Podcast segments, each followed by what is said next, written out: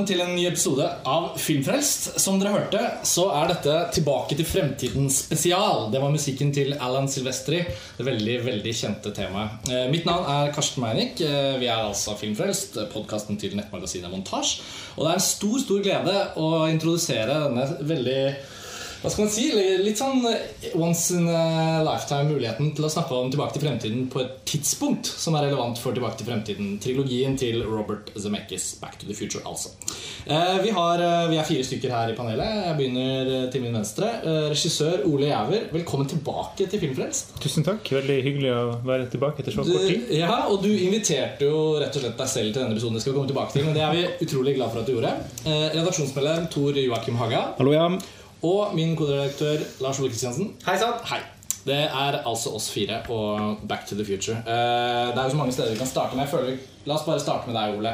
For du var jo her i fjor og snakket om filmen din som gikk på kino, 'Mot naturen'. Og vi snakket også om en del andre filmer.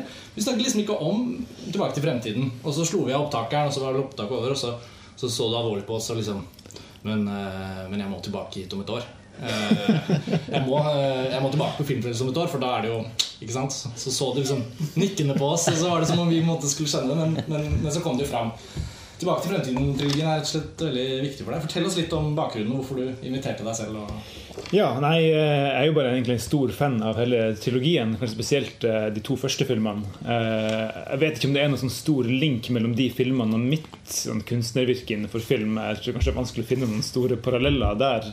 I alle fall hvis vi ser på de siste filmene jeg har gjort som er mer sånn hardcore drama. og sånt da. Men eh, jeg så jo de her filmene mellom jeg var kanskje sånn 10 og 13 år. Og det er jo liksom da man er mest sånn mottakelig for denne type univers og fantasiverdener. og sånt, og Det bare gjorde så ekstremt sterkt inntrykk på meg. Jeg tror for en gutt liksom at det handler om tidsreise og Michael J. Fox og og hele det liksom tegneserieuniverset man egentlig går inn i. da. Eh, det bare satt dype spor. Og så så jeg de tre filmene på kino. Og så ble min fem år yngre bror gammel nok til at han også fikk samme fascinasjon, så da kunne vi se de på VHS. og siden så har jeg kjøpt trilogien på DVD-boks, og nå sist på Blu-ray-boks. så eh, ja, Nei, jeg er bare veldig veldig begeistra for Og Jeg syns faktisk at den også tåler tidens tann, til tross for at vi har tatt igjen måte da filmens handlingstidsramme. da ja, for det må vi jo nå si på det tidspunktet her at altså, 21.10.2015 er jo datoen han reiser til fremtiden da, i toeren. Ja. Ja, og det er, jo mange, det er jo et par andre datoer i omløpet òg, men, men, dette er den datoen som også nå markeres med visninger av uh, Tilbake til fremtiden 1 og 2 på cinematekene, digitale cinematekene rundt om i landene. Det er visst noe, noe arrangement på Operaen også. Altså det sånn, dette, dette, gjøres det mye ut av, og også her på Filmfest. Ja, og Det er også da det eneste tidspunktet i løpet av trilogien hvor de faktisk drar til framtiden. Eh, ettersom filmen heter Back to the Future, så er det jo lett å tenke at ja, for å dra inn i fremtiden, men det gjør jo egentlig bare det på ett tidspunkt. Ja, Du må ikke glemme at han der hunden, han Einstein, han reiser også ett minutt inn i fremtida. ja, her ser vi nivået. Ja, Nerdenivået åpenbarer seg umiddelbart. Nå som du er i gang med å snakke, hva, hvordan liksom var din uh, Back to the Future? Jo, jeg har snart. Uh, min uh, Back to the Future-start var vel egentlig nokså sen. Jeg er jo da ikke gammel nok til å ha opplevd filmene når de var på kino og først ble utgitt på VHS og sånn. Så jeg så de faktisk når de ble utgitt på DVD. Jeg husker veldig godt når den DVD-boksen ble lansert. De var restaurert. Og, jeg hadde aldri Jeg hadde jo hørt om filmene, selvfølgelig, men aldri fått sett dem. Jeg tror jeg vel var en sånn 16, 16 år. tror jeg var nettopp begynt på videregående. Eh, og, og, så syns jeg jo de var Jeg, jeg var jo kjempestor fan av Spielberg og forholdt meg veldig, til veldig mye av liksom, den type film fra den perioden. Så Sånn sett så føltes det jo som å dekke et sånt enormt gapende hull. Jeg fikk sett dem Og det var en, eh, ja, Og det var enda mer Altså Det var enda mer spennende og morsomt enn det jeg hadde kunnet forutse. i hvert fall Jeg endte opp med å se ikke alle tre filmene. Den siste filmen har aldri vært like betatt av. Men de to første filmene så jeg faktisk veldig veldig mange ganger. Det er noe med det altså sånn, Jeg vet ikke om det er, Tor men det der var liksom For du snakker om det, Ole. Altså det at de filmene ble litt sånn er noe med at De litt, nesten har noe sånn serial-aktig. At du får lyst til å bare se dem om igjen. Eller det er noe mm. sånn Og det er noe med den kompensasjonen av disse reisene opp og ned og frem og tilbake tid til å ta igjen alle disse kontinuitetselementene og redde hverandre. Det er, liksom sånn, det er noe med et sånt virvar av ting som også gjør at det gjensynselementet føles litt sånn naturlig. Det er sånn som det kler filmene å, å dyrke dem litt. Ja, det kan jeg skrive under på. Altså, jo, for meg så er disse filmene en del av mitt de, filmatiske DNA. vil jeg vil si, fordi at uh, jeg vokste opp med det. Så ikke den første på kino. Jeg var ni år eller noe sånt da den kom, men jeg så toeren og treeren på kino og har sett filmene mange mange ganger. selvfølgelig etter det. Stor fan av Zemeckis, stor fan av Spielberg, selvfølgelig, som også var involvert. Og ikke minst Allan Silvestri, som har skrevet musikken. Så veldig mye faller på plass. Og jeg var faktisk så inspirert av uh, den første filmen at jeg jeg var en veldig uvanlig gutt. Så jeg, jeg skrev en, en novelle. Dette har du nevnt før i en annen, en annen sammenheng. Men jeg skrev etter å ha sett den første skrev en novelle om da, en person som reiser tilbake for å møte sine foreldre. For jeg var veldig fascinert av det. Hvordan er det å møte sine foreldre som ung? Å Gud, Det var en sånn stor inspirasjon for meg. En eller annen merkelig grunn. Så En av disse her novellene og bøkene sånn som jeg skrev på den tida, så var det det. Den husker jeg veldig godt. Det Ødipus-elementet med filmene som eh, Ja, jeg vil ikke trekke det ikke så langt. Det var mer sånn, sånn for å se de i sin liksom prime of their lives, og de, hvor like, like det da var meg, eller hovedpersonen. Men det er jo en sånn perfekt slags sånn what if-kvalitet over filmene. Det husker jeg også fra liksom, High concept. Ja, high concept og ja. what if, liksom, og det er jo det. What if I can meet my parents? Eller sånn. Uh, og, og, selvfølgelig altså Jeg syns jo 'Reisende tilbake i tid' uh, er jo på en måte litt sånn sukkerbiten i, i, serien. Vel så mye som den fremtidsbiten. Eh, Gjensynet jeg hadde med filmene nylig, så følte jeg at i toeren, når de kommer til 2015, da så er det noen sånne utrolig sånn outrerte ting som skjer. Hvor jeg bare kjente sånn åh, Med litt sånn, med litt sånn voksent utviklede filmnerve. Fikk litt trøbbel. Og så, og så, tar den seg liksom opp igjen. Da. Men da, da, da stakk det litt. Men som, når man er ung, da Og jeg hadde veldig sånn Jeg så disse på TV.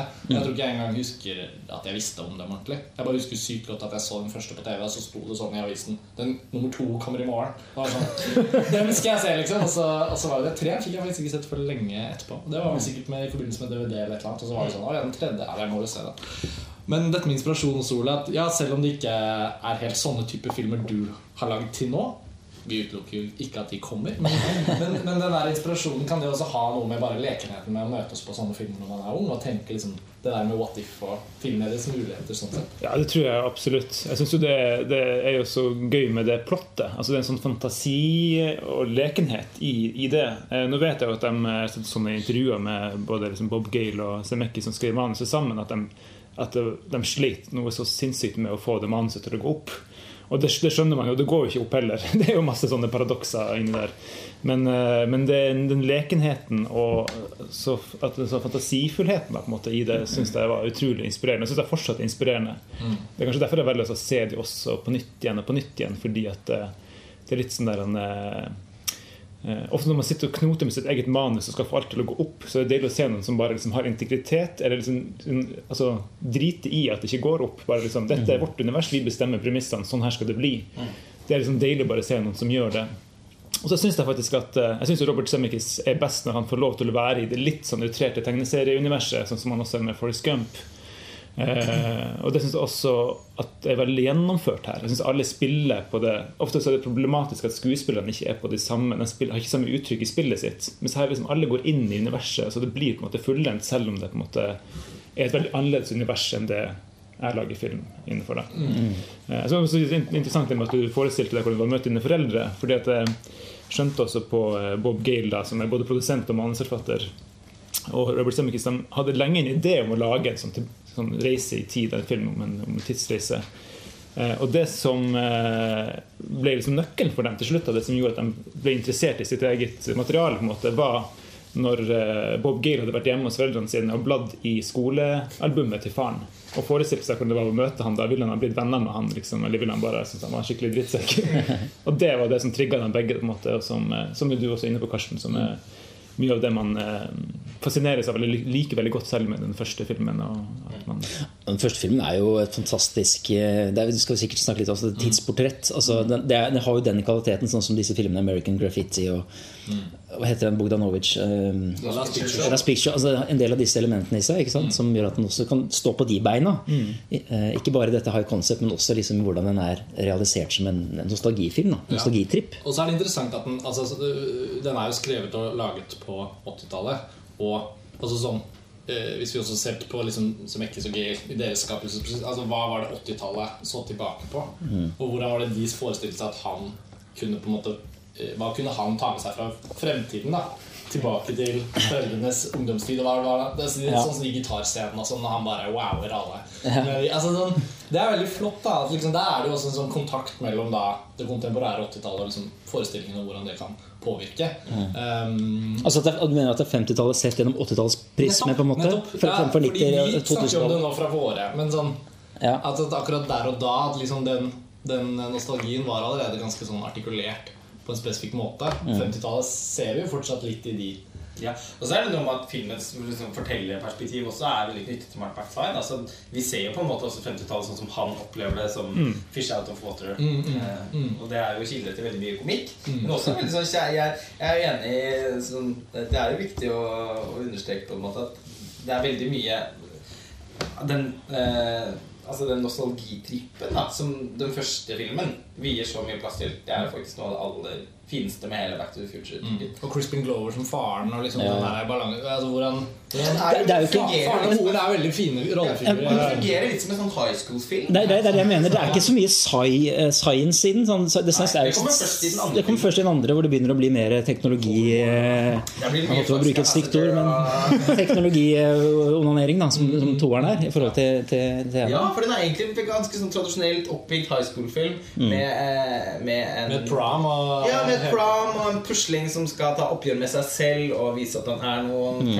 Altså få jenta han drømmer om. Den, men den lykkes jo veldig godt innenfor det, også de, som en tradisjonell sjangerfilm. på en måte da Fordi den har så glimt i øyet og den har så mye sjarm. Ja, den, den er egentlig litt sånn titanicsk på mange måter, for uten å trekke parallellene for langt. Men at den har, den har liksom disse her, sånn masse forskjellige appeller som alle har like stor verdi. Ikke sant? Titanic er jo en, en spenningsfilm, det er en katastrofefilm, men også et kjærlighetsdrama. Det, har, det er sånn tenåringsfilm altså Den har alt det. Ja. Og det føler jeg også Back to the Future er litt grann sånn. Ja, den er, og den er jo Og jeg tror jo også det, det, det må ikke man kan jo ikke unngå å tenke på de andre filmene som kom på 80-tallet. Altså sånn John Hughes som kommer her. Altså sånn Det foregår ting i film, amerikansk film på, midt på 80-tallet. Hvor det er sikkert ganske gøy å se hvordan Back to the Future 1 da, liksom sto der midt innimellom, skvist mellom jeg vet ikke, 16 Candles og, og Breakfast Club. Og så liksom så high school-filmen, men en litt annen vri. Eh, Så har man jo de scenene i garasjen der kjæresten kommer Ja. og doller seg. Og det er jo det er veldig John Hughes. Ja, ja, ja. Er det skulderputer og, og Det-. Men altså Disse tidsreisedilemmaene, Ole, hva er det som egentlig ikke altså, hva, hva er det de får dårligst til, hvis man kan si det sånn? Er det noe de liksom driter seg ut på? For jeg har jo aldri hatt helt den at jeg har virkelig gått inn i det. Nei, altså, Jeg vil ikke si at de driter seg ut. Fordi jeg, jeg tror det er helt umulig å lage en sånn film hvor du reiser i tid uten at det er noen sånne paradokser eller ting som ikke går opp. da Så, så det må man bare akseptere. Men eh, og det her finnes det jo altså Hvis man går inn på nettet og begynner å søke på det her, så er det jo liksom et helt samfunn der ute som er opptatt av, og, og, av disse tidsreisene og hva som er, går an og ikke an. og hvor folk faktisk også er uenig i at det går an. eller Interessant å lese. Men eh, kanskje det største paradokset er jo eh, altså Helt i starten som vi var inne på i sted, så reiser jo hun til han, eh, Doc Emmett Brown ett minutt frem i tida. Og i det ene minuttet han reiser frem i tida, så er han jo ikke til stede på en måte på jorda. eller liksom i virkeligheten. Da er han liksom i en eller annen Cyber, et eller annet cyberspace. sted. Eh, og så kommer han tilbake, som vil si at han er borte fra jorda idet han reiser fremover i tid. Og det morsomme er jo at når eh, Doc Brown kommer tilbake fra 2015 i slutten av eneren for å hente Martin McFly og, og for å ta han med inn og så er det jo fordi at det er noe som har skjedd med ungene deres. Vi må frem, reise frem i tid fra begge ungene deres. Og det er jævlig travelt, og skynd dere og fort dere og sånt. Men det er jo 30 år til. Man kan jo bare liksom ta det kulig og liksom bare leve i 30 år i fred og fordragelighet, og så kan man liksom bare Nå kommer vi dit. For vi reiser jo sakte, men sikkert frem i tid uten at vi trenger å, å reise i en DeLorean for det. Så det, det er jo et morsomt paradoks. Og så er det også det at når da Martin McFly blir med på den tidsreisa, så forsvinner jo også han. Han burde ha forsvunnet fra jordas. Mm, ja. Men da møter han jo seg sjøl som gammel. Der er det jo et paradoks. Eh, Ja. Ja, nettopp. Det hadde vært kanskje litt vanskelig å få til den historien hvis ikke han Ikke sant? Så det er det man må tilbake til 50-tallet, så må du passe på for å ikke møte på utgaven av seg selv som er sendt fra 80-tallet. Ja, for der begynner I toeren, ja. ja. det tidspunktet i toeren, Da begynner man å kjenne sånn ho, ho, Nå skal jeg holde mye på seg. en ganske modig oppfølger, vil jeg si. Altså, I dag hvor Jeg, jeg syns som regel at de, de beste oppfølgerne både eh, til en viss grad repeterer originalen, eller gir oss det vi ønsker. Og, eh, en, Så mer av det samme. Ja, altså en ønskereprise, da. Eh, men samtidig klarer å tilføre noe nytt og utvide universet. Og er det noe den filmen gjør, på tross av noen sånn skjevheter, så er det jo virkelig det. Og den er ganske mørk. Og, det, det, og den er nesten sånn aggressivt mindre sjarmerende enn den første filmen. Ganske sånn masete. Eh, Tidvis når jeg, Det er den siste filmen jeg, jeg har nettopp sett. Bare for en time siden. Så var det så ganske sånn tidvis litt sånn enerverende, men samtidig eh, så forbløffende hvor, hvor mye den liksom tør, da. Jeg er veldig ambisiøs på at liksom Virkelig ambisiøs. Her må publikum liksom henge med. Det er jo det er derfor jeg har Jeg tror det er en sekvens der Det er i det toeren vel hvor, hvor Doc Brown da tegner på en tavle og prøver å forklare ikke bare for Martin, men for publikum hvordan ting henger sammen. Men de er jo veldig sånn fortetta versjon av tidslinjene sammenlignet med det man egentlig kan gjøre eh, med, med hele historien. Vi har jo et sånt tidslinje-timeline-kart her på bordet under opptak av denne podkasten som Ole tok med. Tusen takk, Ole. Det er jo eh, Jeg vet ikke om jeg blir så veldig mye klokere, men, eh, men, eh, men eh, dette kan vi jo lime inn kanskje i artikkelen om podkasten på montasje, så man kan kikke på det. Men, Ja, det kan vi gjøre. men det er jo en forsøksvis en slags Skal man kalle det en forklaring eller en, en, en, en oversikt? Ja, det er fordi som dere sier i toren, så er det litt vanskelig å å holde tunga rett i munnen og skjønne hvor vi er henne, og hva slags konsekvenser det kan få. fordi at Hver gang du reiser tilbake i tid, så starter på en måte et ny, en ny tidslinje. Mm. For da vil aldri verden kunne bli den samme som den var, fordi at noe har skjedd et eller annet sted. Og Ifølge Doc Brown da, jo universet kunne kollapse hvis man liksom spøker for mye med det her. Men derfor er det så vanskelig å, å holde tunga rett i munnen. fordi at det som skjer i toeren, hvis vi får lov til å bevege oss litt mer inn i den, da, så er det jo at han der han, eh, Biff, altså eh, antagonisten i hele filmen, stjeler en sånn sportsalmanakk og reiser tilbake i tid og gir den til seg sjøl som ung, sånn at han kan satse på alle disse sportsarrangementene og vinne masse penger. Så når da omsider Marty og Doc reiser tilbake igjen til 1985, hvor han kom fra, så er ikke 1985 det samme som det de reiste fra. For da har jo Biff blitt rik og på en måte destruert hele deres verden og tatt hegemoniet i Hill Valley. Og så, Hell um, Valley. Hill, Valley, ja. så, eh, så derfor er det liksom Så må man skjønne når må vi da reise tilbake for å kunne lage en ny tidslinje igjen som retter opp i det problemet. Ja, og sånt, så, så eh, ja, jeg tror egentlig ikke man skal tenke så mye på det. grunnen til at filmene fungerer til tross for alle de paradoksene, er jo at det hele tida er såpass actiondrevet, og at det hele tida er et nytt plottelement som dukker opp. og At du, du rekker ikke helt å tenke over alt det som ikke egentlig stemmer eller går opp. Nei, det er enig. Jeg, føler, jeg tenker mer at liksom, man, man føler veldig aktivt at det er et veldig sånn idérikt univers. Samtidig så er Zemeckis såpass, en såpass god historieforteller da, at det hele tiden også er noe sånn, sånn spenning. Eh, i, når de da drar tilbake til 50-tallet igjen i toeren, da, så er det jo så bare den, den jakten på den sportsalmanakken i seg selv er jo dødsspennende. Men det er klart den mister jo da til en hel mye av den, den, den helhetlige estetikken som, som eneren har. Eh, Men det en til gjengjeld har, er disse her sånn enkelt, altså enkeltuniversene. Sånn som det dystopiske 1985, som jeg også syns er veldig flott. Ja. Det er kanskje det flotteste i filmen. Ja, altså, er eh, 50-tallet går liksom, det er litt sånn fort, og fremtiden er oh, ja, er figurer inn og 3D oh, inn og ut. Den derre haien Ja, ja, ja, Haisommer 15 av Max Spielberg som kommer sånn måte. Eh, Den kom aldri i 2011. Joss Whedon. Ja, Joss Nissen var det. Ja, ja, ja. Men, eh, men akkurat den der 1985, det universet en skaper der, kan liksom nytes føler jeg på egen hånd uten at man da har skjønt så veldig mye av hvor- ting og tang. da, tenker jeg. Det er kanskje den delen av filmen hvor Dean Cundy og fotografen får muligheten til å flekse musklene litt. Ja. Så jeg er enig i det, at det er kanskje det som ser aller flottest ut. Men jeg må også si at jeg syns den fremtidsvisjonen, corny som den er, er veldig fornøyelig. Ja. selv om den er på en måte eh, Ja, den er veldig prega av å være laget på 80-tallet. Så det blir sånn to lag av 80-tall der. Når han oppsøker den retro-baren eller i 2015. i 2015, som da er en sånn 80-talls nostalgia-bar. Eh, så, så jeg vet ikke det, det, Ja. Det er jo litt sånn som man ser ved Blair Runner og 2001, at deres fremtidsvisjoner som er ganske tett opp mot vår tid. Mm. Uh, De, de ideene de hadde, vil alltid liksom være gjennom det det prismet da, som de Ja, fra den men de er liksom på en måte så voldsomt stilisert igjen. Eh, og det, det som på en måte også er sånn morsomt med, med Back to the Future, er at eh, i de fleste sånn fremtidsvisjoner på film så har vi, ikke noe, har vi ikke noe å ta utgangspunkt i. I, altså, vi bare kastes inn liksom, in medias race inn i et fiksjonsunivers som er satt i framtiden. Og så kan vi fabulere rundt at ja, dette er veldig forskjellig fra vår, vårt samfunn eller vår tid. Men i Back to the Future så får man muligheten til å hele tiden sammenligne. Vi vet hvordan Hill Valley har sett ut da i veldig mange altså sånn, fra 50-tallet. Og, og så kan man selv liksom eh, så, så, så i det da så synes jeg det ligger en underholdningsverdi. Å sitte og peke på de samme gatehjørnene og kafeteriaene og detaljene Ja, som er- aktivt oppdaterer og endrer på eh, i de forskjellige tidslinjene. Der, Ja. Jeg, jeg føler jo fremdeles at eh, når jeg ser filmen igjen nå, så, så føler jeg at vi reiser frem i tid lenger enn vi har kommet i dag. Altså Jeg får den følelsen av at nå går vi inn og ser liksom inn i fremtida. Eh, så det er morsomt å se på hva de traff på og ikke har truffet på. Ja. Sånn som disse hoverboards, sånne skateboards som da på en måte har sånn luft... eh, er det, et eller annet sånt. Ja. Eh, men vi har jo Segwayen, Ja. som på en måte det, De traff jo nesten, ikke sant? Ja.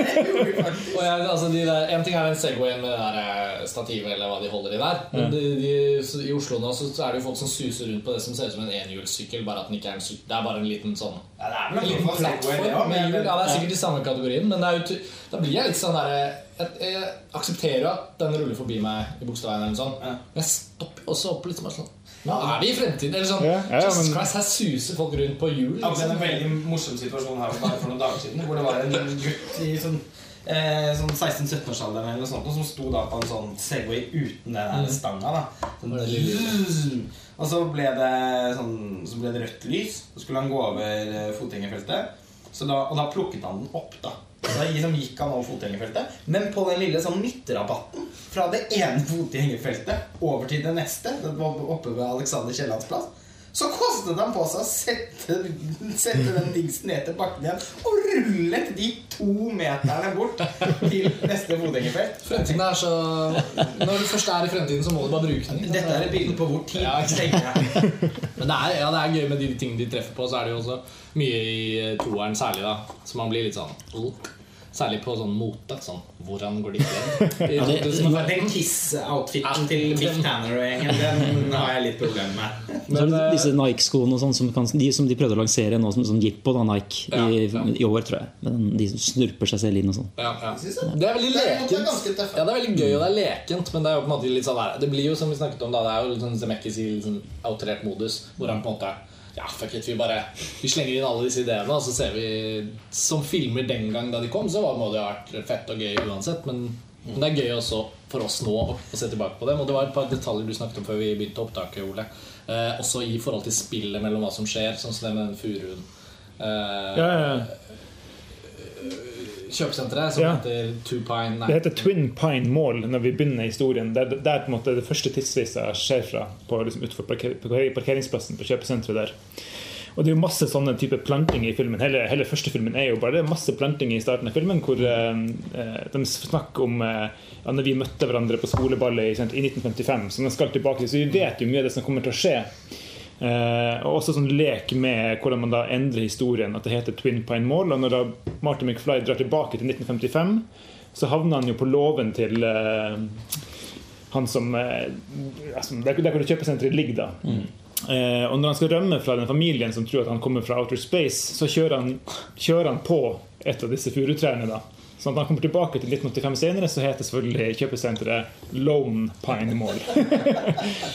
Der har de vært gode. da Det er mange sånne elementer hvor Ja. liksom krydrer og finner på. Liksom, eh, jeg syns- også filmene kan settes pris på rett og slett som sånne, sånne lagvise konstruksjoner med fylt og sånn fortettet. Og Det er kanskje noe av det som gjør også at de fortsatt analyserer Eller sånn sånn at det har blitt en sånn kult rundt det og på nettet og folk som skal liksom studere og analysere. Og her sitter vi og prater om det. Ja, men det, er, det er litt gøy å sammenligne med andre sånne tidsreisefilmer. Også, det blir min en egen diskusjon, da, men jeg trenger ikke å ta det. Men se f.eks. på Looper, som, som kom for et par år siden. Hvordan den også prøver seg på sånne rekontekstualiseringer hele tiden av, av ting man kan gjøre. og sånn. Jeg, jeg syns jo Back to the Future er blant de beste av de som har klart å gjøre det. Også til, til Terminator-universet og dette. Ja. Ja, men se da, det er altså, filmer- hovedsakelig de beste Terminator-filmene som får det til bra. Så Ja. For den diskusjonen var- mener jeg husker at jeg har hørt på Filmfrelst. Ja, Terminator Genesis eh, gjør jo det liksom in extremis, da. Mm. Og mislykkes veldig, syns jeg. Jeg tror Joakim var litt mer fornøyd. Men, eh, men også ta filmer som eh, X-Men, Days of the Future, Past of Tomorrow, eller hva den het. Ja. Som, som også leker veldig med tidslinjer, men som gjør det på en, opplever jeg, på en sånn kynisk måte for å bare få en franchise videre. Og for å kunne få med Vi ønsker å ha med rollefigurene fra eh, de opprinnelige filmene og fra rebooten og eh, fra de neste filmene. Ja. Og så føles det sånn Og det handler mye mindre om historien. At det ja, om så jeg føler at det med bruk av sånn, ulike tidslinjer sånn, Det har liksom blitt, nå blitt et slags virkemiddel eh, sånn Hollywood-studioteknisk for Nettopp. å liksom ivareta franchiser og for å holde inntektene gående. Det det er er liksom litt synd, blitt, da. blitt en sånn, eh, sånn kynisk eh, strategi. Og det eh, så, så, Og det er litt leit for eh, Ja, nei. Jeg er helt enig, men jeg synes jo de, de løser en del sånne ting også ganske søtt i, i dette her. Sånn som at eh, de ikke fikk eh, altså Chris McGlover ville jo ikke gjøre toeren eller treeren. Ja, det- Og da fikk de en annen skuespiller som de da for Han er veldig sær, så det Han er veldig sær. Han eh, hadde noen meninger om det. Men for, vet, vet du kanskje Ja, det, det, det, som jeg vet bare ryktene, jeg vet ikke hva som egentlig er sant. Men ryktene da var at han eh, forlangte samme lønna som Michael J. Fox hadde. Ja. Eh, og det ville ikke de studiosjefene gå med på. Og så har han i senere Han er jo blitt litt en sånn kultfigur. da han, ja, ja, filmskaper. Ja, ja. Så, så, og i senere tid kan han kanskje bli litt mer sånn politisk bevisst og også kanskje mer bevisst på hvordan han skal liksom franchise seg sjøl. Mm. så har han sagt at han ikke ville være med videre fordi at han syntes at eneren hadde så materialistisk slutt. Å, ja. Så det slutter med at uh, McFly-familien har blitt eh, velstående. ikke sant? Og også veldig sånn typisk 80-tallsgreie. ikke sant? Det var det som var på en måte- ja, ja, Mm. Ja. Men eh, det er jo morsomt da at han uh, visstnok ikke ville være med for han ikke fikk nok penger senere. som mente han at det var så Ja, det er et intervju med Crispin Jo, det er, det er en episode Av av Filmfrelst? ja, ja. Men jeg synes jo det, det er jo, hvis man skal snakke om at det er noe Altså jeg synes jo det er tap for toeren og treeren. Jeg tenkte ikke jeg på det i det hele tatt når jeg så disse når jeg var ung. Men jeg syns han er så finurlig figur i ja. eneren. Og jeg skulle gjerne hatt han med videre i ja. toeren. Og, Han, jeg tror han hadde tilført toeren masse, men det jeg synes var litt søtt, da, er jo at de, de da istedenfor Så har de fått en som ligner litt, og så har de fått han til å henge opp ned i en sånn en, eh, maskin, så du mest mulig så ikke du skal kjenne han igjen. Veldig enkelt og latterlig, men veldig søtt. De, de har ikke tenkt så mye på disse Altså, den, tidslinjegreiene der. den familiesekvensen i toeren, det er vel litt sånn berykta eh, for, for den forferdelige sminka og alt mulig. Men Ja. på en eller annen måte så er den veldig fornøyelig òg. Jeg så den, altså Den er så apropos at det er mange ting i disse filmene som er ganske outrert. Altså Doc sin karakter og hele hans Væremåte. væremåte er jo Er jo helt der. Hele, altså sånn Men hele, han, men han er konsistent, da. Det er han jo. Veldig. Eh, det er litt mulig å være innom i stad. Altså, sånn, egentlig så spiller de på liksom med samme toneart alle sammen. Eh, de er bare Men når man da har en, en rollefigur som er veldig voldsom utgangspunktet, Kramer fra Seinfeld. Litt den samme. så blir han jo helt ekstrem da med, eh, med han Doc. Men, men i den familiesekvensen i, i Back to the Future del 2 så er på en måte alle sånn helt Helt ute. Det er sånn, helt sånn på syre. Og Michael, J. Fox i eh, sånn parykk som spiller eh, sin, egen, søs, altså, sin egen datter. Ja, datter, ja. Sånn, ja. Mm. Nei. Men er det ikke ett skuespillerbytte til? Er det ikke Elisabeth Chew? eller noe sånt? ja, ja, det er hun, eh, hun som spiller Jennifer, som Ja. er altså dama til Michael J. Fox. Ja. Men uh, hun eh, ble ikke med videre fordi at uh, hennes mamma ble syk eller et eller annet sånt. Så uh, Ja, noe sånt, ja. ja, det, det, det kan vi akseptere.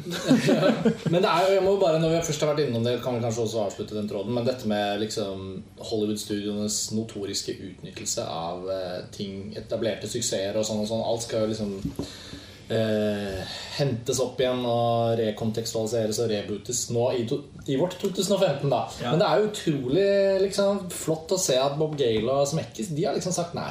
Nei, Back to the future.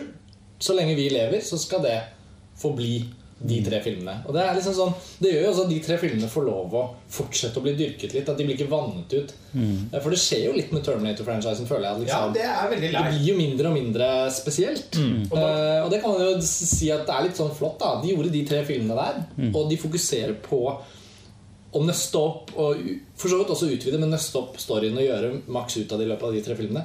Og de, selv om de selvfølgelig har tjent inn masse penger, og alt det der så føles liksom ikke den trilogien som en sånn Det, er det eneste som har kommet eh, Det for et par år siden. Det var et dataspill, Back to the Future. Et Ja. Telltale Games, som var et sånt pek og klikk-rollespill. Hvor du kan da gå og bevege deg rundt i disse universene i den byen og i sånn. Ja, men Det det- føles jo som en ålreit side. Det, men det er en veldig egentlig ålreit utforskning hvor du selv er så interaktiv form for å delta i dette, dette universet. Ja. I de forskjellige tidsperioder og sånn. Men det er- vel det nærmeste de har vært en si oppfølger. den som, som jeg var inne på i stad, altså Back to the Future 2, den er jo sånn bare et utrolig godt eksempel på eh, en ja, hvor man skal lage Det er jo strengt tatt liksom, veldig sånn publikumsorienterte kommersielle filmer i utgangspunktet, men hvor man eh, lager en oppfølger fordi man faktisk har noe mer å fortelle. Fordi man har lyst til å utvide universet. Og eh, jeg rotet meg litt vekk i mitt eget poeng i stad om, om eh, disse kyniske Hollywood-strategiene som, som misbruker Marxisten Lars ja, som, som misbruker tidslinjekonseptet. Eh, men, men eh, det er jo forbløffende da, fordi ettersom flere og flere filmer har lekt seg med den type fortellerstruktur, så er det jo noe med at det også vannes ut litt. Mens når man da går tilbake og ser Back to the Future, så føles de akkurat like enestående, synes jeg, i måten de, de gjør det på. da Men vet dere om det var konstruert som en, eh, en trilogi i utgangspunktet? For det, stå, det er slutter som en cliffhanger med 'to be continued' og alt dette her. Er det? Ja, så vidt jeg skjønner, så var eh, eneren var ikke ment å følges opp på noen måte når de gikk i gang med den, sånn som jeg skjønte. Eh, men eh, Ble ikke toeren og treeren spilt inn samtidig? 2 og 3 ble spilt inn back to back, ja. Og eneren Det fins jo masse sånne mm, Altså, den gikk, den var, gikk utrolig fort fra den var ferdig å spille inn, til filmen kom på kino. Det var Ni uker etter at filmen var ferdig å spilles inn, så kom den på kino. Fordi at de hadde en sånne testvisninger som de, altså, eh, Universal hadde aldri scora så høyt på testvisninger før. Det her var jo før Twitter og det var før e-mail, ikke sant, eller noen ting, så de måtte på en måte bare få den ut. De skulle egentlig lansere den på høsten, men så mente da han ene produsenten at den måtte ut til 4. juli, som jo er på en måte den store kinodatoen i å gå hele sommeren. Og, Det er vel så, klippingen er vel så skrevet til manus? da? ja, så har de klippa underveis i filmen. Okay, Så det, men det var virkelig sånn et rotterace for å få den ferdig til 4. juli. Da. Um, Så var det ikke så mye sånn CGI-etterarbeid, for de hadde ikke kommet så langt. Så da blir det jo litt sånn at det meste er i bildene. Ja. Men jeg vet ikke helt detaljene rundt det. Men jeg kan kanskje forestille meg at når de begynte disse testvisningene, at de skjønte at dette her er liksom er noe enestående. Selvfølgelig også Når de selv ser på sitt eget materiale. De lenge var usikre på hva egentlig var de hadde for noe. Men de begynte å skjønne at dette her funker veldig bra. og Kanskje de lagde cliffhanger etterpå, kanskje de lagde det som en åpen slutt. Men så vidt jeg vet, så var ikke det tenkt på noe oppfølger når de gikk i gang med film nummer én. Men som dere sa, ja, 203 er spilt back to back. Og apropos sånn, jeg synes jo Back to the Future 2 er jo på en måte bør tas med i liksom eh, i eh, alle eksemplene på der oppfølgeren er nesten like bra eller bedre enn en, sånn som Gudfaren 2. ikke sant? Og, Og Terminator 2. og Terminator 2, ja, ikke sant? Så det vil også si ja, Og i likhet med, med disse andre eksemplene, så ble treeren ikke helt Ja, fordi det er det litt sånn, det er jo litt sånn jeg føler Jeg liker den litt, da. Vi danser litt sånn forsiktig rundt treeren. Ja, men- jeg- Jeg, jeg er faktisk glad i Nå er jeg liksom Jeg tror kanskje det er den eneste her som er litt sånn begeistra for westernfilmer. Nei, jeg, Eller? Jeg syns sånne western pastisjfilmer er ganske vanskelig å svelge av og til. Og western komedier. Eh, Ja, det er jeg synes western, western er ikke noe klassisk amerikansk westernfilm. Ja. John Ford og sånn er helt fantastisk. Hvor står du på western? Nei, eh, hvis det er en god historie, så kan jeg være med. Men det er ikke noe sånn, det er ikke noe sånn spesielt at jeg digger western bare fordi at det foregår i på slutten av 1800-tallet. Det er, det er jo ikke jeg heller. Jeg har ikke noen sånn svakhet for western-ikonografien, på en måte. Eh, Men eh, det kommer Jeg har jo veldig kommer helt det. an på filmskaperen. Men ja, Ja, det vet jeg. Vis- eh, hovedsjanger. Men det er ikke sånn at du føler at treeren er liksom der, der, Nei, jeg kan jo ikke sammenlignes med de store, store klassikerne, selvfølgelig. Men jeg syns den har den, den klare, altså Hvis du ser bort fra at alt er komedie- og, og eventyrperspektivet, så har den veldig sånn visuelt sett en, en fin westernestetikk, syns jeg. Takk på at dette er 19, den kom i 1990, Ja. treeren, og Unforgiven kom i 92. Ja. som selvfølgelig liksom reorienterte hele, hele sjangeren. Men jeg syns den har liksom litt rester av den gammeldagse, gode eh, visuelle stilen da, som gjør at jeg, jeg liker den godt også på det planet. Det, for meg er det liksom den filmen som føles litt mest sånn Disneyland.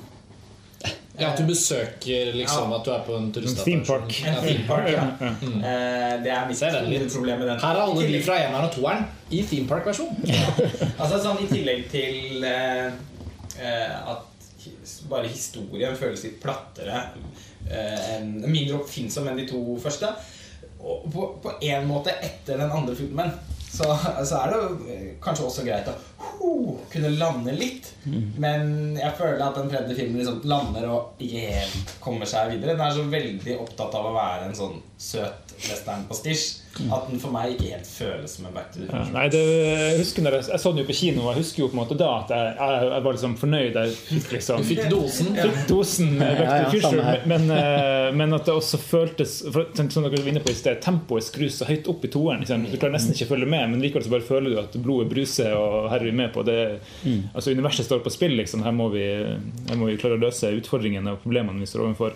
Mens i treeren så, så blir det tempoet skrus så veldig ned. Jeg tror det store, For meg den store feilen de gjør, er å fokusere så mye på dette kjærlighetsromanseforholdet mellom. Doc og hun der. Han er, Clara. Ja.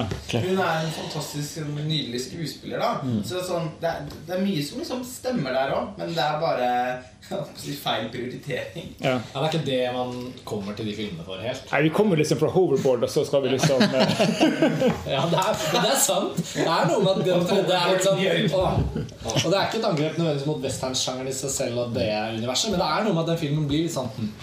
Men, eh, men jeg syns jo også at i toeren, så i hvert fall for min del personlig, da, så begynner jo da tåle Altså sånn akseptevnen for eh, eh, skuespillere som spiller gamle versjoner, for, altså parykk, gammelmannshud, altså forskjellige variasjoner, begynner allerede å bli litt sånn oh, Det var litt for mye for meg. Så i treeren der med disse irske forfedrene altså, Hva heter disse? Da begynner det ja, da, da kjente jeg at det var litt det verste for meg, da. At det var så veldig mye av det. Men, eh, men det er jo, jeg syns jo også den oppsummeres fint, da, trilogien. Ja, jeg synes det, det, er Veldig flott med dette toget og sånn. Jeg syns det er stilig. eller hva det er de sier. Ja, ja. Liksom sånn. ja, så får den, den store på en måte eller, Det er noe katarsis der som, som funker, da. ja. Og så uh, slutter vi også historien på et punkt hvor verden ja, hvor sier, verden fremstida står åpen. da Eh, Doc, nå har jeg ikke sett den i sommer, men Doc reiser vel også videre? ikke? Han reiser videre Sammen med Clara og ba de har et Ja. barn, tror jeg. Ja. ja, ja. En hund. To barn. Ja. To barn. Det, det er litt flott òg, da. At, uh, og jeg tror ikke de hadde planlagt for en firer der og da. Det har jeg i hvert fall aldri lest eller hørt noe Nei, nei, det står jo altså på, på både, det står både på første og andre så står det jo to to be Altså På første står det 'to be continued'. På nummer to står det på slutten 'to be, concluded'. Concluded. Ja, og på tre står det 'the end'. Så jeg tror det er ganske sånn tydelig.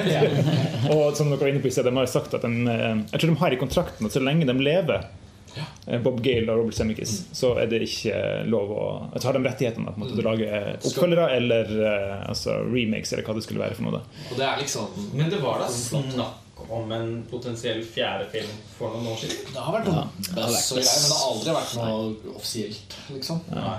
Men det var mye snakk om det. Det husker jeg. Men det har vært en del, det har vært del spin-off rundt, da. Men da Michael Jack Fox ble syk også, så var det vel kanskje litt Altså Det ville jo bli helt håpløst å lage en ny film med han. Ja. Eh, Hvis ikke man skulle laget et, Og skulle man- et drama om Ja, men jeg tror hvis, Parkinson. hvis man skulle brukt dette her til noe, så måtte det vært å lage en ny film med nye karakterer og bare med de samme konseptet. Samtidig så ville det føles helt meningsløst, da, fordi jeg skjønner ikke helt hvordan man kan få noe mer ut av det konseptet enn det de har gjort i særlig da de to første filmene. Ja. Jeg tenker kanskje, at, kanskje om 100 år eller noe sånt. Eller, eller 50 år, da. Så, så kan man jo, så kan man jo Det liksom sånn toget ankommer stasjonen. Da kan vi Men, men sant, det her, det er jo, altså, tidsspennet vi beveger oss fra er fra 1885 til 2015. Så det er på 130 år, var det Ja, bra. Eh, så når vi kommer langt nok frem i tid til at vi kan ha det samme tidsreiser uten at vi på en måte er innenfor den tida vi lever i i disse filmene, at det blir på en måte helt nye tidsepoker.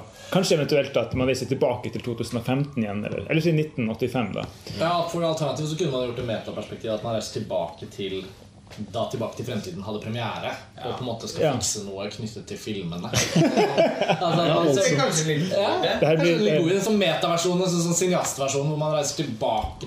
Fordi noen har gjort liksom at Bob Gale og Robert Zemeckis Det er blitt laget liksom 40 oppfølgere. At det er blitt sånn Nei! Vi må slette alt som ble ødelagt med Tilbake til fremtiden-trilogien. Vi må tilbake det sånn som, sånn som George Lucas-dokumentaren? Den der, er George Lucas in Love.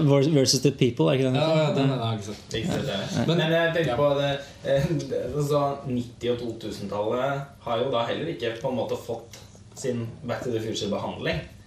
Eh, Sånn, ja. Altså, vi, altså, sånn nostalgitrippmessig. Ja. ja, Ole, du er jo filmskaper. Kanskje det, er, kanskje det skal gjøres noe på eh? Ja, altså, jeg, er veldig, jeg er litt sånn motstander av mange ting. En ting er altså, remakes og ja, og, sånne type Jeg syns liksom, av og til så skal de filmene som er lagd, få lov til å, få lov til å stå, stå sånn som de er, da, uten at man skal drive fikle. Sånn som Terminator-universet. Jeg var også veldig glad i både eneren og toeren Terminator. Og det ble jo helt ødelagt. Jeg har ikke sett de siste filmene, for jeg orka bare ikke å Don't do it. Nei. Eh, og det samme vil jeg nok Jeg føler at Back to the Future-trilogien, selv om vi nå har passert 2015, så føler jeg fortsatt at de står seg veldig bra i tida. Det er fremdeles underholdende, altså underholdende å se på dem. Det kommer jo nye mennesker som blir tenåringer og skal se film. Ja, ja. Man kan fint vise på en måte Tilbake til fremtiden-filmene. Uten at det blir en sånn helt sånn Og dette er en veldig gammel film. Ja, ja, jeg gleder meg til å vise mine barn eh, Ja. Ja, så er disse det, med, filmene. altså, det som du var inne på helt på å begynne med, Ole, den, her, den veldig sånn gjennomførte sånn tegneseriestilen til filmene, som både preger det visuelle og, og, og, og spillestilen og sånn, at det er som det også ligger som et sånn malerstrøk over filmen.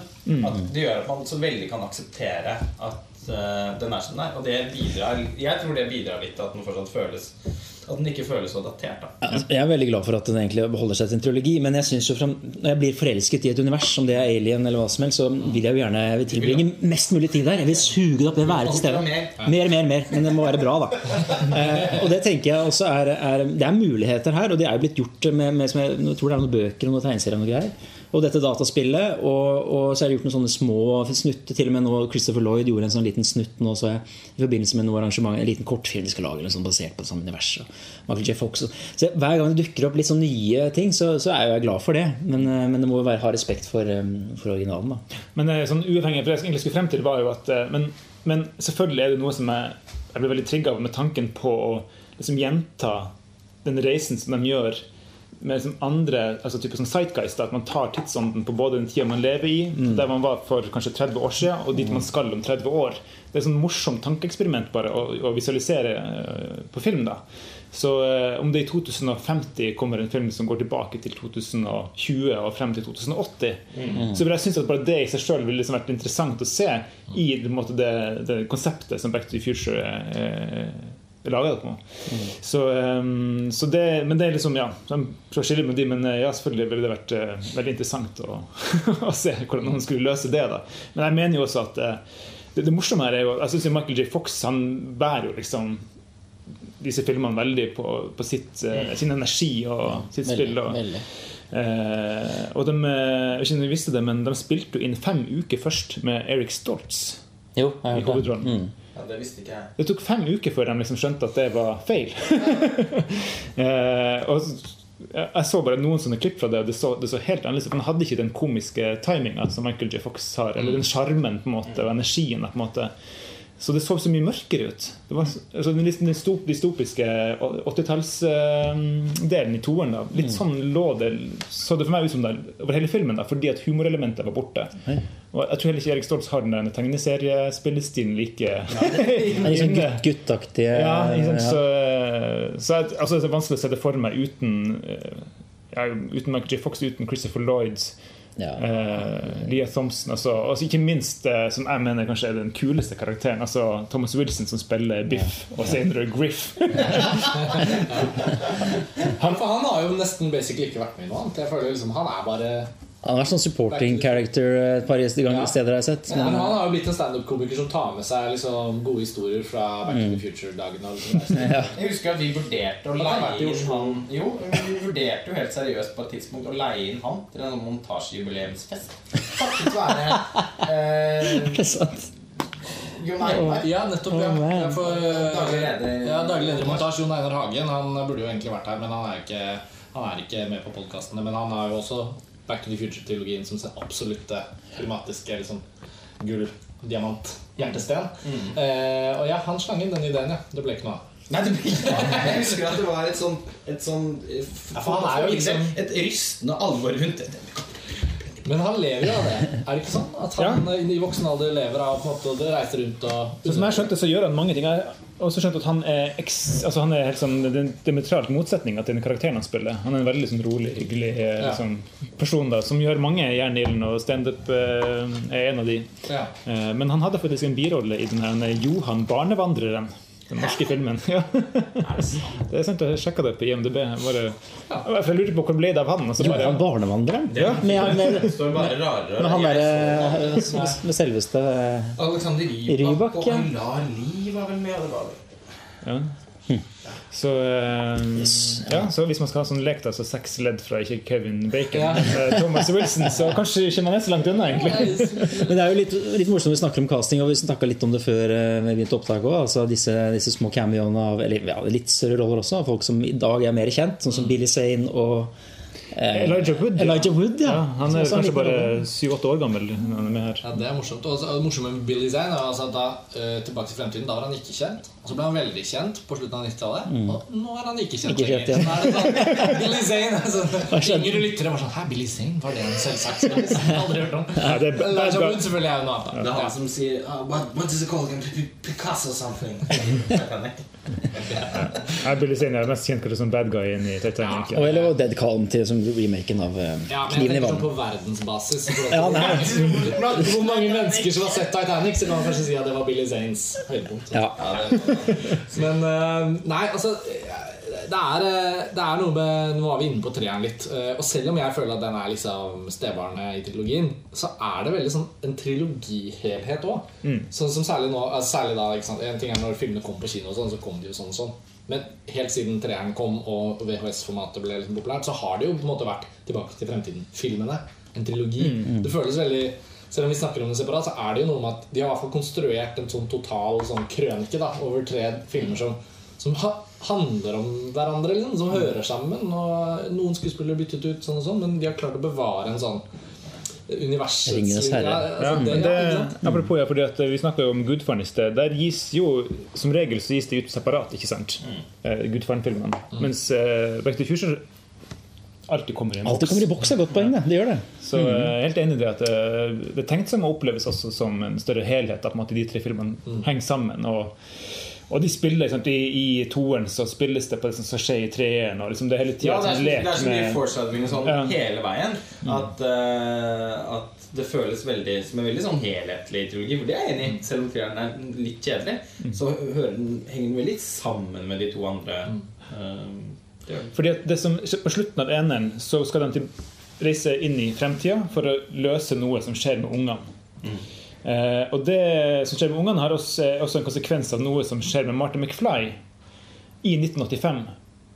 Eh, så i slutten av eneren så er det på en måte et slags plottpunkt som kommer inn, som ikke blir løst før i slutten av treeren. Som på en måte altså binder da, på en måte plottmessig disse tre filmene sammen. Så, um, og det er ikke så ofte man ser i sånne trilogier at det er så lange linjer i, i plottet. Nei, Ofte er det litt sånn postkonstruert, altså sånn som i Star Wars prequels, og si- hvor man har liksom bare henta ting elementer og så laget noen nye eh, ting ut av det. Men det er sant, det. føles ferdigskrevet på forhånd, hele historien. Men det er jo veldig altså, Det er vel også kanskje særlig på den første filmen. Men det er jo usedvanlig tight manus. Så det, er, det er ikke en scene i den filmen som ikke må til for at liksom historiefortellingen liksom ikke får en Det ikke, finnes ikke en detalj som ikke får en betydning senere. Det er en utrolig stramt fortalt film. Ja. Og også masse sånn foreshadowing innad i filmen, sånn som dette med chicken. Altså han blir kalt for eh, Tidlig så blir han kalt for det, ikke sant? og så går det igjen i den her vendingen mot, eh, mot slutten på parkeringen altså der. Ja, og det inntar nesten en sånn mørk eh, Altså I den andre filmen syns jeg nesten det var litt sånn forstyrrende. Det her med chicken Hvor det sånn Ja, det, det, det, det, er i hvert fall det Ja, Gjella, er det vel du sier? Ja, Ja, det, det Han er utsetter seg nærmest for Tre. livsfare i den andre filmen gjennom å reagere sånn på å bli kalt eh, chicken. Så det er, Ja, det er jo en, det er en karakterreise også for, Michael Riff, også for Martin McFly. da eh, Å lære seg å tåle og denne det andre kinnet til. den andre kinnet til, ikke sant? som gjør også at uh, han klarer å Det er noe message gående. ja, ja, det, men det slo meg når jeg så den Nå er det noen måneder siden jeg så den første Back to the Future-filmen, men jeg har sett så innmari mange ganger. Eh, Så det føltes ikke sånn akutt mer til gjensyn. Men den andre filmen var det. Det var såpass mange år siden sist, og den måtte jeg da se i morges. Og, ja, eh, selv om jeg var inne på det i stad, men jeg føler liksom at det har vært en. Det var altså så forbausende hvor liksom mørk den er. For den første filmen er så liksom fylt av overskudd og glede og og sjarme, da. Eh, mens den andre filmen er sånn ganske hemsk, egentlig. Ja, det er det. Med konemishandling og Ja. Det er mye sånne temaer den tar opp, altså. Og det der fryktelige kasinoet.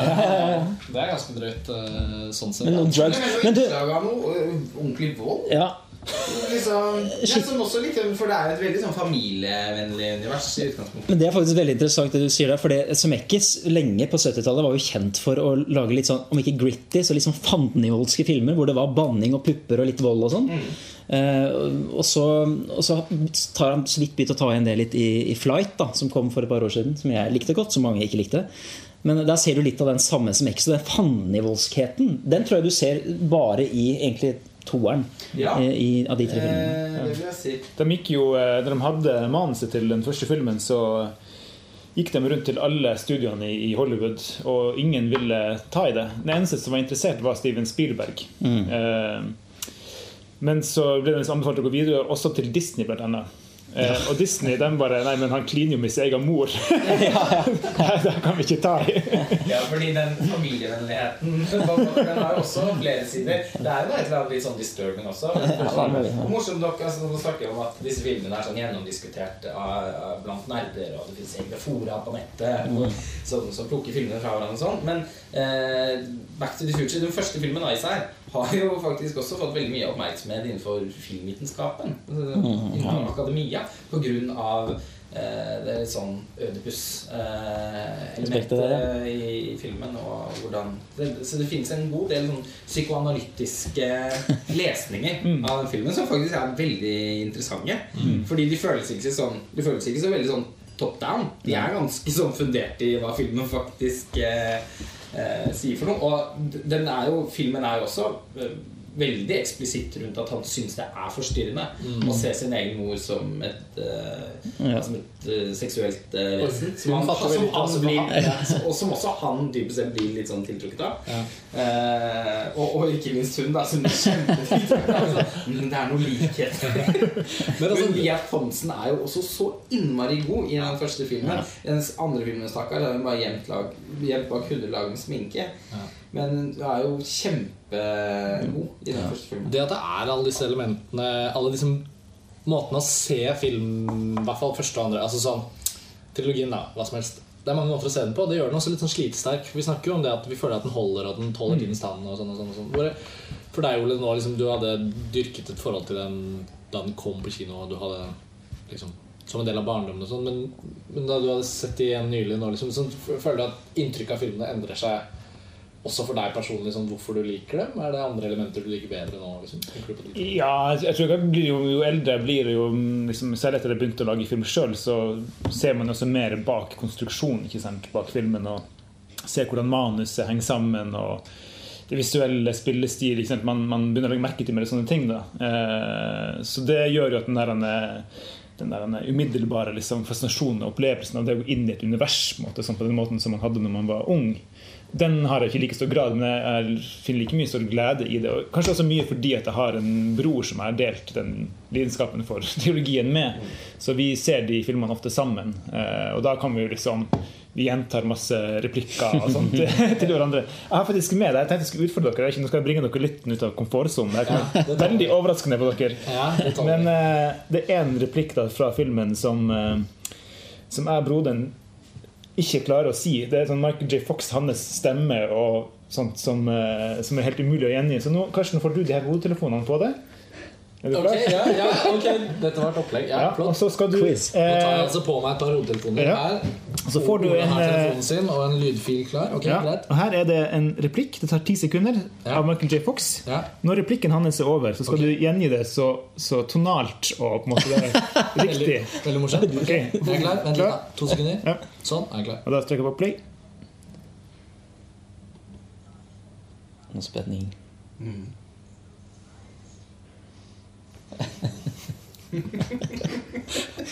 Wait a minute. Wait a minute, Doc. Are you telling me Are you telling me to build the time machine out of DeLorean? Hvordan hørtes det ut? Var det? Nei, det var, det var vet greit. Det var bedre eller dårligere enn du trodde? nei, det var kanskje Fikk dårlig. ikke til Jeg, pusten. Det var noe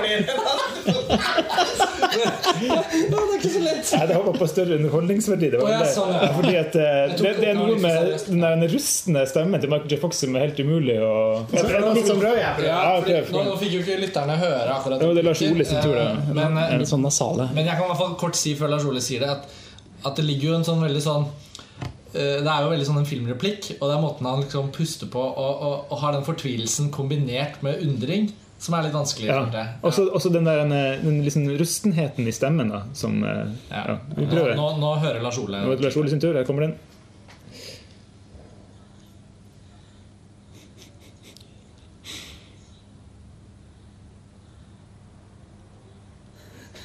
You told me that you made a time machine out of a DeLorean. Jeg likte godt sånn. Ja. Nå Jeg følte du gjorde Jeg, kan, jeg, skal, jeg skal prøve på det. out of a DeLorean? Ja, det, var, det var litt sånn dansk-engelsk. DeLorean. Hva når de lille det nå? Nå skulle vi hatt, eh, nå skulle vi hatt vår gode venn Christian Mongård eh, fra Dagbladet Informasjon her. Han hadde tatt den på dansk-engelsk. eh. Ja.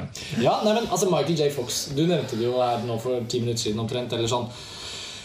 Jeg føler han er liksom hjertet på så mange måter av trilogien. Og det er vanskelig å sette fingeren på akkurat hva det er, utover at han bare bringer en eksakt og en så presis treffende personlighet til den rollen.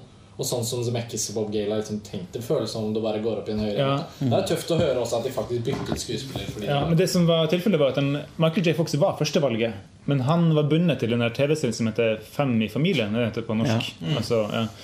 Eh, og de ville ikke slippe han til denne filmen. Men så fikk de lagd en avtale etter at de, måte, de ga opp det og gikk for Erik Stoltz. Så skjønte de at dette funker ikke, vi må ha Michael J. Fox. Det er bare noe med han som vi trenger i denne filmen. Eh, og da fikk de lagd en avtale med produsentene for uh, Fem i familien på at han kunne jobbe altså back to back med å spille først inn TV-serien fra 10 til 5. Og klokka fem på ettermiddagen så ble han da kjørt til settet på, på Back to the Future og jobba til klokka sånn fire-fem på natta. Eh, Så han var visstnok helt i sånn zombietilværelse under innspillinga av iallfall i hvert fall den første filmen. Ja. Eh, Så når han spiller forbløffet over at han reiser i tid, så er kanskje ikke det ja, men han, han sa Jeg etter ble hvert faktisk så utslitt ut av at det var det som la grunnlaget for utviklingen av Parkinsons sykdom. Ja, ikke bank i bord engang. Det er ikke mulig å unngå. Men Men eh, han eh, Det er litt morsomt, da, for det er jo litt sånn som jeg skal ikke ta for langt ut her, men eh, som Tom Selleck og Indiana Jones, som også fikk rollen, men som ikke kunne ta den pga. den, den TV-serien. Ja. Magnum PI, og rollen gikk til Indiana Jones, og det ble en ikonisk figur. Ford, og så Nei, hva sa jeg? Rollen gikk til Indiana Jones! Ja. Jeg de gjør noe så bra at det er Indiana det Ja, men litt sånn samme Det greie. fins noe så morsomme altså, i den eh, dokumentarfilmen om Brian De Palma som Noah Baumbach og han Jake Paltrow eh, hadde premiere på i Venezia. Så fremkommer det at han som spiller eh, Han som spiller han Tommy Ross, som Carrie drar på ballet med i Carrie eh, Med det der sinnssyke Dag Solstad-aktige nudelhåret. Faktisk var aktuell eh, for å spille Luke Skywalker. Nesten. Var sånn på håret at han ikke fikk den rollen. Jeg, jeg tror det. det Jeg tror Star Wars-filmen ville vært forholdsvis mye mer datert. Ja. Altså, Men det må, føles spesielt, det må føles spesielt for noen av disse skuespillerne som, som er helt tett på en sånn rolle. Der og da tenker de kanskje ikke så mye over det. Det kommer masse jobber hit og dit. hvem vet Og så blir det kanskje et ikonisk. Sånn som Tilbake til fremtiden, så tror jeg ikke det ville Det ville jo ikke kanskje fungert. Eric Stoltz, da. Det høres jo sånn ut ut fra hva du Ja, det vil bli noe. Nå tror jeg kanskje at plottet i seg sjøl var så spektakulært når den kom, at, eh, at, og den fascinasjonen for en tidsreise og sånt, at det likevel ville ha eh, blitt en kommersiell suksess, og vi ville kanskje sittet her fremdeles i dag og hatt en podkast om det. Men, ja. men eh, jeg er veldig glad for at det ble Michael J. Fox. Jeg synes han er ja, Og han og Christopher Lloyd de, de to bærende rollene der er veldig, veldig bra. Så. Ja, vi har liksom eh, snakket eh, ganske grundig gjennom ting eh, nå.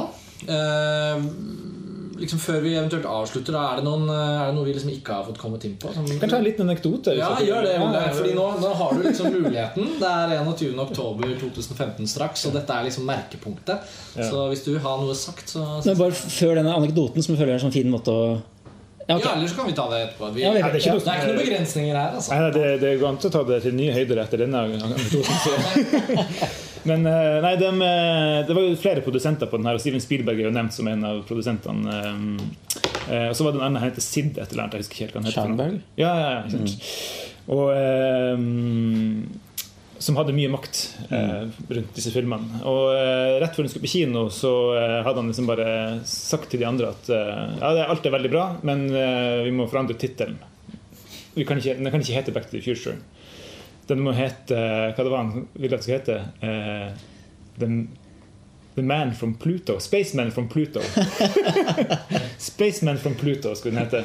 For det, det er da tittelen på et av de disse tegneseriebladene som de fra 1955 driver og leser. En av de guttene i den låven der. da Eh, og de var jo veldig usikre på For alle andre elska jo tittelen Back to the Future. Men Det er jo også en helt spesielt god tittel. Ja, ja, det er jo det. Og han likte den jo ikke fordi at eh, Nei, men folk skjønner jo ingenting. Liksom back og så to the future. Han, liksom, han tok ikke det.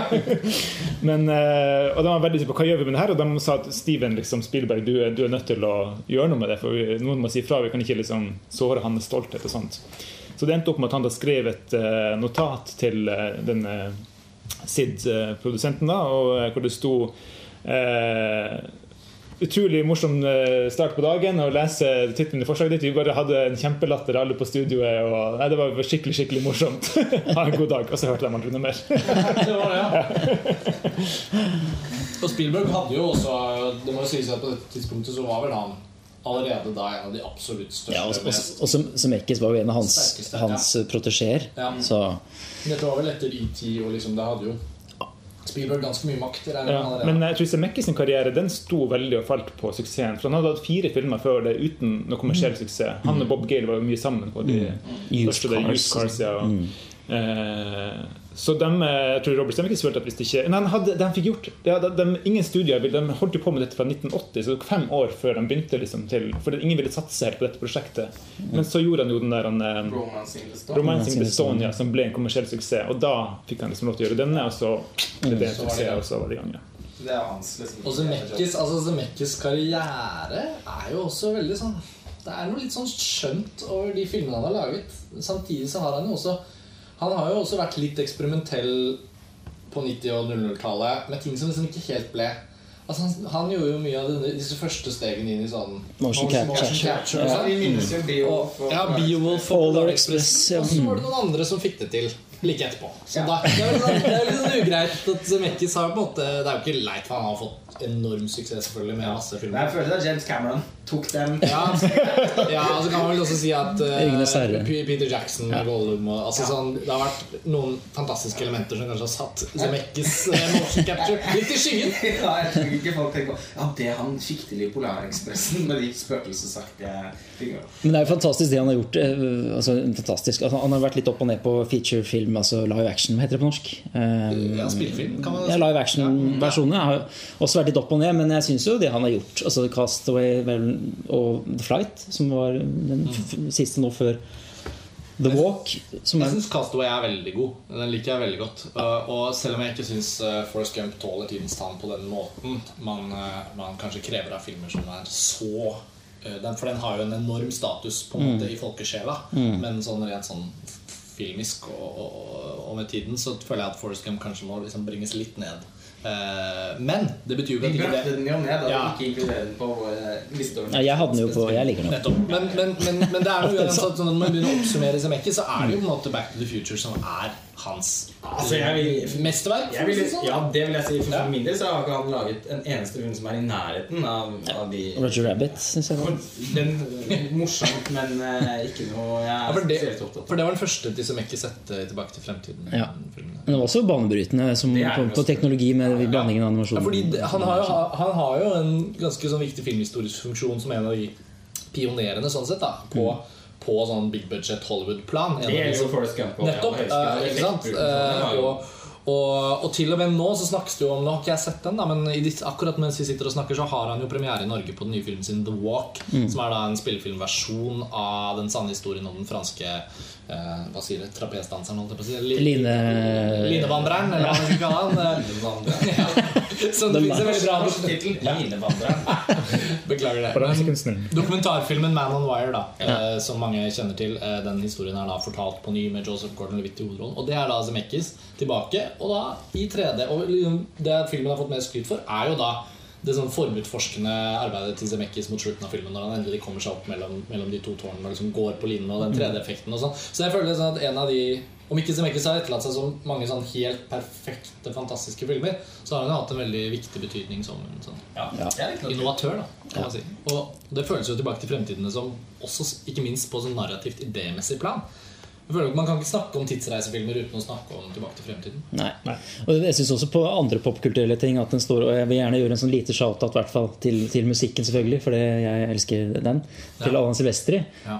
Um, og, men ikke bare den, um, som selvfølgelig er liksom klassisk John Williams-tradisjon. Selvfølgelig Huey Lewis and the News òg. Og så er det selvfølgelig også disse poplåtene med, med Hugh Lewis og 50-tallslåtene Helt og fantastiske. Chuck Berry. Mm. Men Alan Silvestri, altså den gang da han, hvor sto han som komponist før Tilbake til fremtiden? Var han allerede Han- han også ung og Altså, han, han også hadde egentlig sitt store gjennombrudd med 'Romancing the Stone', som var det første samarbeidet mellom de to. Og de har jo gjort alle filmene siden den gang sammen. Så, så de um, så, Ja, de som, omtrent samtidig slo igjennom. På, så det er, det er en del av også Simekkis identitet. Det er, det er Silvestris eh, musikk. da Så den, den er også verdt å, å påpeke.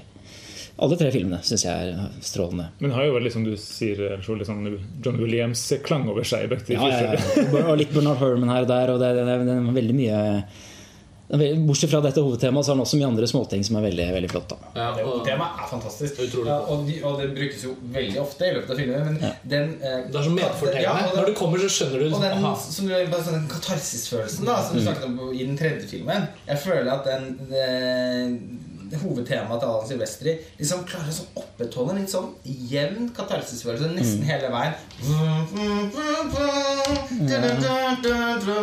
Og så kanskje bare over Men så- men så- men så- Det er en sånn sense of wonder i den Ja. musikken, som jo selvfølgelig er veldig til felles med John Williams. da. Men jeg må også bare nevne klokketårnsekvensen mot slutten av eneren, som også har en fantastisk rytmisk driv av mange grunner. Klipping, eh, alt du ser, men også den her rytmiske musikken til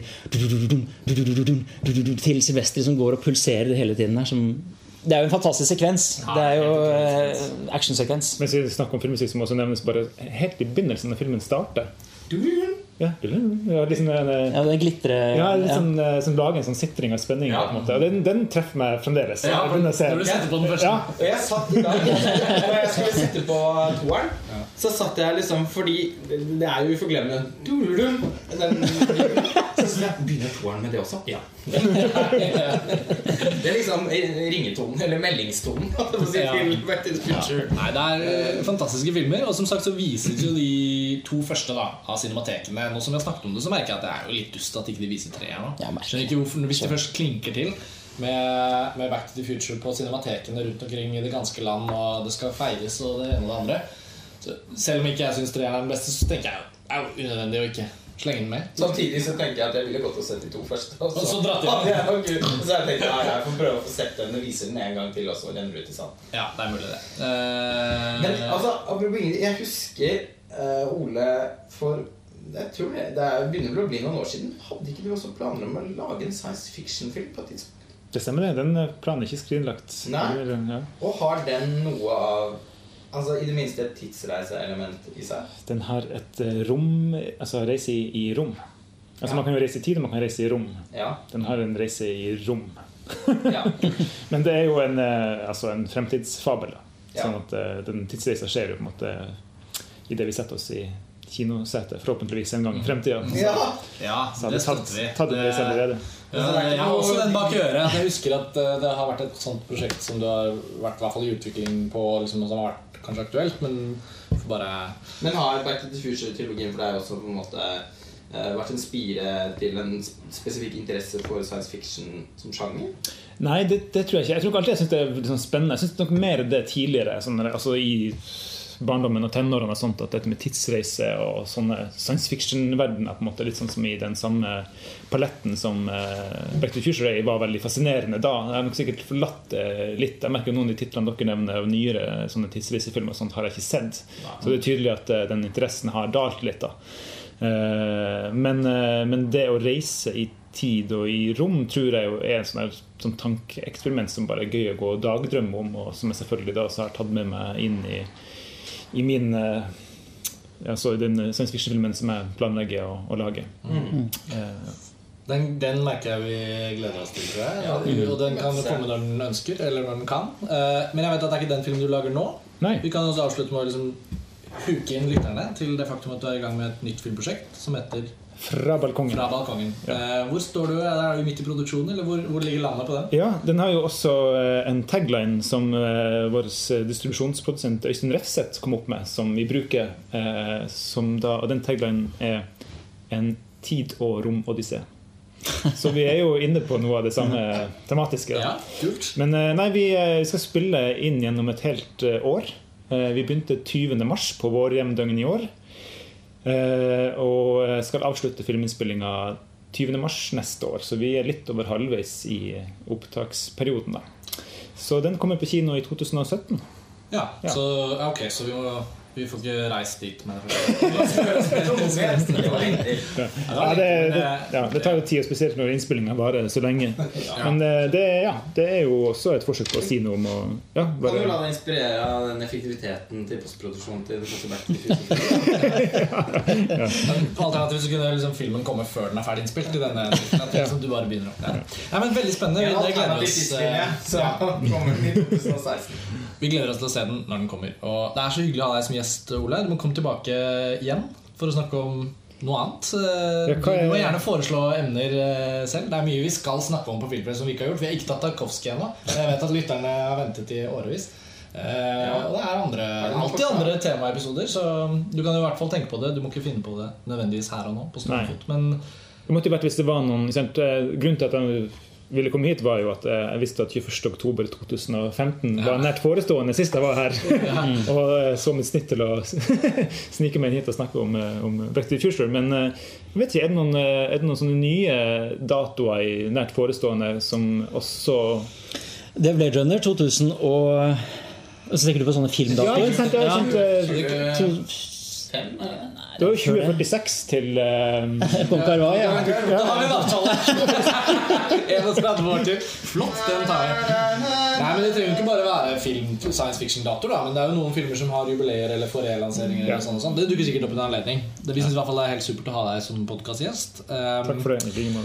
Da tenker jeg vi avslutter episodene. Uh, Tor Joakim, Lars Ole, dette fungerte jo veldig fint. Eh, Ja, da fikk jeg den musikken til han Shigeru Umbayashi fra Så Lars. Ole, Lars Ole tusler ut herfra med den på hjernen. Vi andre tenker kanskje på muligheten Eller dere som hører på, tenker kanskje på muligheten for å da sette dere ned med Tilbake til fremtiden. Det er 21. oktober.